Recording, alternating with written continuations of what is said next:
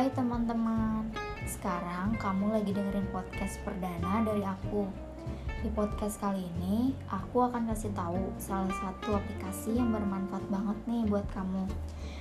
Aplikasinya itu Oxford Dictionary. Kamu bisa download secara gratis di App Store atau di Play Store. Cara penggunaan juga gampang loh. Kamu tinggal ketik kosakata asing yang kamu mau tahu artinya. Nah, nanti di situ muncul deh artinya. Gampang kan? Jangan lupa di-download ya. Nah, aku juga mau kasih tahu beberapa aplikasi yang aku install di HP dan alasan kenapa sih aku install aplikasi tersebut. Aplikasi untuk belajar bahasa Inggris, aku udah lama banget install aplikasi Duolingo. Selain karena cara pakainya yang gampang, di sini juga kamu bisa belajar bahasa asing lainnya. Terus ada aplikasi Line dan WhatsApp.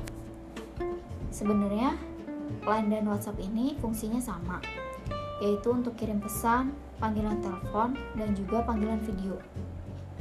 Tapi aku tetap download dua-duanya. untuk streaming musik dan podcast, aku ada aplikasi Spotify. Kamu bisa mendengarkan secara online maupun offline. Tapi kalau kamu mau mendengarkan secara offline, kamu harus upgrade ke Spotify Premium dulu ya. Nah, itu salah satu alasanku upgrade ke Spotify Premium karena biar bebas juga dari iklan. Kan gak enak juga ya lagi asik dengerin lagu, eh tiba-tiba ada iklan. Terus, aplikasi edit foto dan video, aku ada aplikasi VSCO, Teza, InShoot, dan juga Unfold. Nah, kalau aplikasi VSCO, pasti kalian juga udah gak asing dengernya. Sebenarnya, aplikasi VSCO dan Teza itu fungsinya sama untuk menambah filter biar foto kita terlihat lebih bagus dan juga uh, estetik. Kalau InShoot, aku lebih sering pakai buat edit-edit video. Nah, kalau Unfold itu untuk menambah frame biar fotonya jadi lucu. Terus ada aplikasi Google Classroom, Slack, Google Meet, dan juga Zoom. Semua aplikasi itu baru aku install setelah aku masuk kuliah.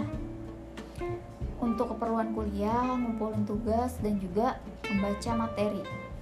Kalau untuk keperluan ber berbelanja online, aku download aplikasi Shopee.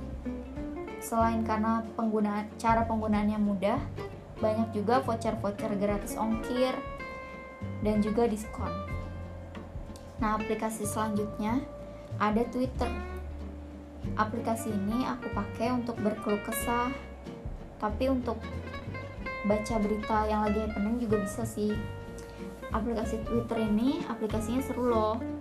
Kamu bisa membaca tweet orang lain yang bermanfaat kayak kuliner-kuliner di suatu kota, terus juga aplikasi-aplikasi yang bagus untuk edit foto. Masih banyak deh pokoknya di situ. Nah, selanjutnya aku akan membahas tentang pengalamanku setelah mendengarkan audiobook Gen R di YouTube. Di situ menggunakan aksen British loh. Meskipun susah, tapi aku suka banget deh kalau dengar aksen British. Nah, karena di situ ada teksnya, jadi aku juga bisa mendengarkan sambil belajar cara baca kosakata yang benar itu gimana sih? Nah, itu bercerita tentang seorang wanita yang struggle dengan dunianya. Menurut dia tuh dia nggak pantas ada di ada di dunia itu, tapi karena terpaksa. Terus setelah lulus sekolah, tanpa ada keluarga yang peduli sama dia, akhirnya dia pindah dan hidup mandiri menjadi seorang perawat. Terus dari situ dia dia bisa menemukan seseorang yang bisa peduli dan mencintai dia. Kurang lebih kayak gitu sih yang aku tangkap dari ceritanya. Terus selanjutnya aku juga mau cerita tentang pengalamanku mendengarkan YouTube tapi sambil tidur. Tapi jangan sampai tidur pulas ya. Di situ ada backsoundnya.